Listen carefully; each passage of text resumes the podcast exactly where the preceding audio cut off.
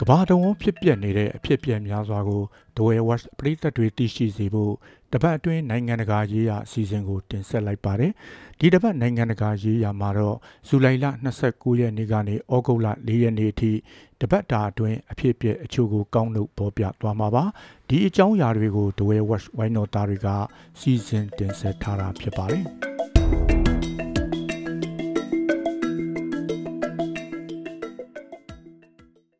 Dog Suri တိုင်ဖုန်းမုန်တိုင်းကြောင့်မိုးတဲထန်စွာရာသွန်းခဲ့တဲ့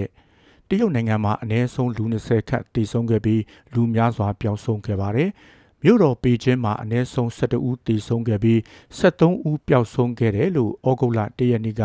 နိုင်ငံပိုင်သတင်းဌာန CCTV ကနေကြေညာခဲ့တာပါ။ မြောက်ပိုင်းဟေပိုင်းပြည်နယ်မှာ9ဦးတေဆုံးခဲ့ပြီး6ဦးပျောက်ဆုံးခဲ့ပါတယ်။ဒေါက်ဆိုရီတိုင်ဖုန်းမုန်တိုင်းကြောင့်တောင်ပိုင်းဖူဂျီယန်ပြည်နယ်မှာတစ်တသမ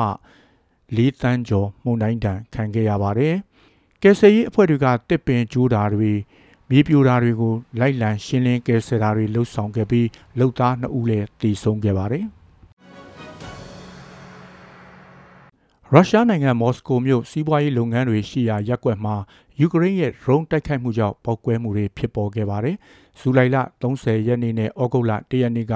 ယူကရိန်းကရုရှားမြို့တော်ကို drone တိုက်ခိုက်မှုတွေဇက်တိုက်ပြုလုပ်ခဲ့တာပါ။၎င်းတို့ကိုပြစ်ချကာကွယ်နိုင်ခဲ့တယ်လို့ရုရှားကာကွယ်ရေးဝန်ကြီးဌာနကတော့ပြောကြားခဲ့ပါတယ်။အဲ့ဒီတိုက်ခိုက်ခံရမှုကြောင့်အ ထိခိုက်ဒဏ်ရာရတဲ့သူတော့မရှိပါဘူး။ရုရှားဒုံးကျည်တွေယူကရိန်းမြို့ကြီးတွေအထက်ပြစ်ခတ်နေတဲ့အချိန်ခရိုင်းမီးယားဒေသနဲ့မော်စကိုမြို့တွေအထိယူကရိန်း drone တိုက်ခိုက်မှုတွေဖြစ်ပေါ်လာတာဖြစ်ပါတယ်။ပါကစ္စတန်နိုင်ငံအနောက်မြောက်ပိုင်းမှာဇူလိုင်လ30ရက်နေ့ကအသေးခံဘုံခွဲတိုက်ခိုက်မှုကြောင့်တေဆုံးသူအရေအတွက်အနည်းဆုံး54ဦးအထိရှိလာခဲ့ပါတယ်။ အနောက်မြောက်ပိုင်းခါဘာပက်တူခွာပြည်နယ်ကနိုင်ငံရေးစုဝေးဝဲတစ်ခုမှာအသေးခံဘုံခွဲတိုက်ခိုက်ခဲ့တာပါ။ဒီတိုက်ခိုက်မှုကြောင့်လူ200ကျော်လဲဒဏ်ရာရခဲ့ပါတယ်။ပါကစ္စတန်နဲ့အာဖဂန်နစ္စတန်နယ်စပ်နာဘေဂျွာလူမျိုးစုနယ်မြေခေါလ်ဒေတာကအစ္စလာမ်နိုင်ငံရေးနဲ့ဆက်နွယ်နေတဲ့ပါတီတစ်ခုရဲ့နိုင်ငံရေးပွဲမှာဖြစ်ပွားခဲ့တာဖြစ်ပါတယ်။အဲ့ဒီတိုက်ခိုက်မှုကိုအစ္စလာမစ်စစ်သွေးကြွအဖွဲ့ ISIL ကပြုလုပ်ခဲ့တယ်လို့ပြောဆိုထားပါတယ်။ မွန်ဂိုရီးယားဝန်ကြီးချုပ်ဟာဩဂုတ်လ2ရက်နေ့ကအမေရိကန်ဒုတိယသမ္မတကင်မရာဟဲရစ်နိုင်ငံခြားရေးဝန်ကြီးအန်တိုနီဘရင်ကန်အပါအဝင်အမေရိကန်အကြီးတန်းအရာရှိတွေနဲ့ဝါရှင်တန်မှာတွေ့ဆုံခဲ့ပါတယ်။ဒါဟာ2018ခုနှစ်နောက်ပိုင်းမွန်ဂိုရီးယားဝန်ကြီးချုပ်တဦးရဲ့အမေရိကန်ပြည်ထောင်စုကိုပထမဆုံးတရားဝင်လာရောက်လည်ပတ်မှုဖြစ်ပါတယ်။ နှစ်နိုင်ငံယာတီဥဒုဆိုင်ရာဒီမိုကရေစီနဲ့လူအခွင့်အရေးဆိုင်ရာယဉ်ကျေးမှုဆိုင်ရာပူးရဲဆောင်ရွက်မှုတွေတိုးမြင့်နိုင်မှုရည်ရွယ်တယ်လို့ဒုတိယသမ္မတရဲ့သတင်းပြန်ကြားရေးကကြေညာခဲ့ပါတယ်။မွန်ဂိုရီးယားဟာကုန်းတွင်းပိတ်နိုင်ငံတစ်ခုဖြစ်ပြီးသူ့ရဲ့ပို့ကုန်95ရာခိုင်နှုန်းကိုအိန္ဒိချင်းတရုတ်ပြည်ကိုတင်ပို့နေရတာပါ။မွန်ဂိုရီးယားဟာကမ္ဘာပေါ်မှာမြေရှားတပ်တုအပါဝင်ကျေးနီဖလိုရိုက်ရွှေသံနဲ့ဇစ်တို့လို တတုဒရင်းထွက်ပစ္စည်းတွေအဓိကတူးဖော်ရောင်းချနေတဲ့နိုင်ငံဖြစ်ပါတယ်။ အီရန်နိုင်ငံမှာအပူချိန်မြင့်တက်နေလို့နိုင်ငံတော်ရုံးပိတ်ရဲ့နှစ်ရက်သတ်မှတ်ကြောင်းအစိုးရကဩဂုတ်လ၁ရက်နေ့ကကြေညာခဲ့ပါတယ်။မြို့ကြီးတော်တော်များများမှာအပူချိန်40ဒီဂရီဆယ်လီယပ်အထက်ကျော်လွန်နေခဲ့တာပါ။နိုင်ငံအနောက်တောင်ပိုင်းမှာ90ဒီဂရီကျော်အထိဖြစ်လိမ့်မယ်လို့မိုးလေဝသဌာနကခန့်မှန်းခဲ့ပါတယ်။ဒါကြောင့်ရုံးပိတ်ရက်တွေအဖြစ်ဩဂုတ်လ2ရက်နေ့နဲ့3ရက်နေ့တွေကိုသတ်မှတ်လိုက်တာပါ။ဈေးရုံတွေကိုလည်းအသစ်ပြင်ဆင်ထားဖို့အစိုးရကတိုက်တွန်းထားပါတယ်။ နိုင်ဂျာကစစ်ကောင်းဆောင်တွေနဲ့ညှိနှိုင်းဖို့အနောက်အာဖရိကနိုင်ငံများစီးပွားရေးအတိုင်းဝန် ECOWAS ကကိုယ်စားလှယ်အဖွဲ့တစ်ဖွဲ့ကိုဩဂုတ်လ2ရက်နေ့ကစီလွတ်ခဲ့ပါတယ်။တန်တမန်နီလန်အရာ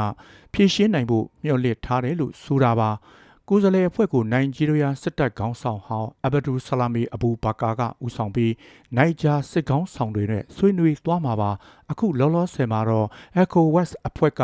နိုင်ဂျာပေါ်ပိတ်ဆို့အရေးယူမှုတွေချမှတ်ထားခဲ့ပါတယ်။ ရွေးကောက်ခံသမ္မတမိုဟာမက်ဘာဆွန်ကို အာဏာပြန်မလွှဲရင်အင်အားသုံးဖြည့်ရှင်းမယ်လို့ထုတ်ပြန်ထားပါတယ်။ဒေသတွင်းနိုင်ငံပေါင်း15နိုင်ငံပါဝင်တဲ့ ECOWAS အဖွဲ့ကအခုလိုနိုင်ဂျာအာဏာသိမ်းမှုအပေါ်ပြင်းပြင်းထန်ထန်တုံ့ပြန်နေတာဖြစ်ပါတယ်။ထိုင်းနိုင်ငံမှာဝန်ကြီးချုပ်တည်ရွေးချယ်ပွဲကိုလွှတ်တော်မှာဩဂုတ်လ၄ရက်နေ့မဲခွဲဆုံးဖြတ်ဖို့စီစဉ်ထားပေမဲ့ရွှေ့ဆိုင်းလိုက်တယ်လို့လွှတ်တော်ဥက္ကဋ္ဌကကြေညာခဲ့ပါတယ်။ ဖီတာကိုဝန်ကြီးချုပ်တဲ့အဖြစ်အမည်စင်းတင်သွင်းသွားတာကိုလွှတ်တော်ကကန့်ကွက်ခဲ့တဲ့အပေါ်အယူခံတင်ထားတာကိုဖွဲ့စည်းပုံတရားရုံးကဆုံးဖြတ်ပြီးရွေးချယ်မဲ့နှစ်ကိုထပ်မံရွှေ့ဆိုင်းလိုက်တာပါအယူခံတင်ထားတာတွေကိုလက်ခံမခံဩဂုတ်လ16ရက်နေ့မှာကြားနာမယ်လို့တရားရုံးကကြေညာချက်ကိုထုတ်ပြန်ခဲ့ပါတယ်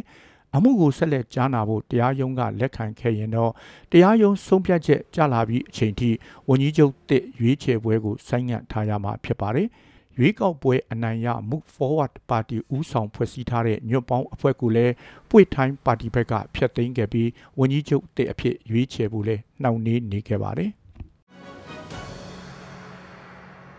ရွေးကောက်ပွဲနဲ့ပတ်သက်လို့သူ့အပေါ်တရားစွဲဆိုထားတာတွေအတွက်အပြစ်မရှိကြောင်းအမေရိကန်သမ္မတဟောင်းဒေါ်နယ်ထရက်ကဩဂုတ်လ3ရက်နေ့ကဝါရှင်တန် DC တရားရုံးတော်တရားသူကြီးရှေ့မှောက်မှာရှောက်လဲခဲ့ပါတယ်2020အမေရိကန်ရွေးကောက်ပွဲမှာ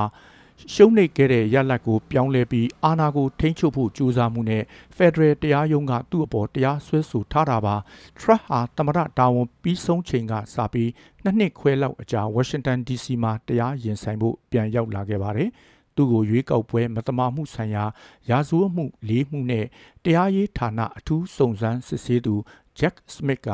အမှုဖွင့်တရားစွဲဆိုထားတာဖြစ်ပါတယ်။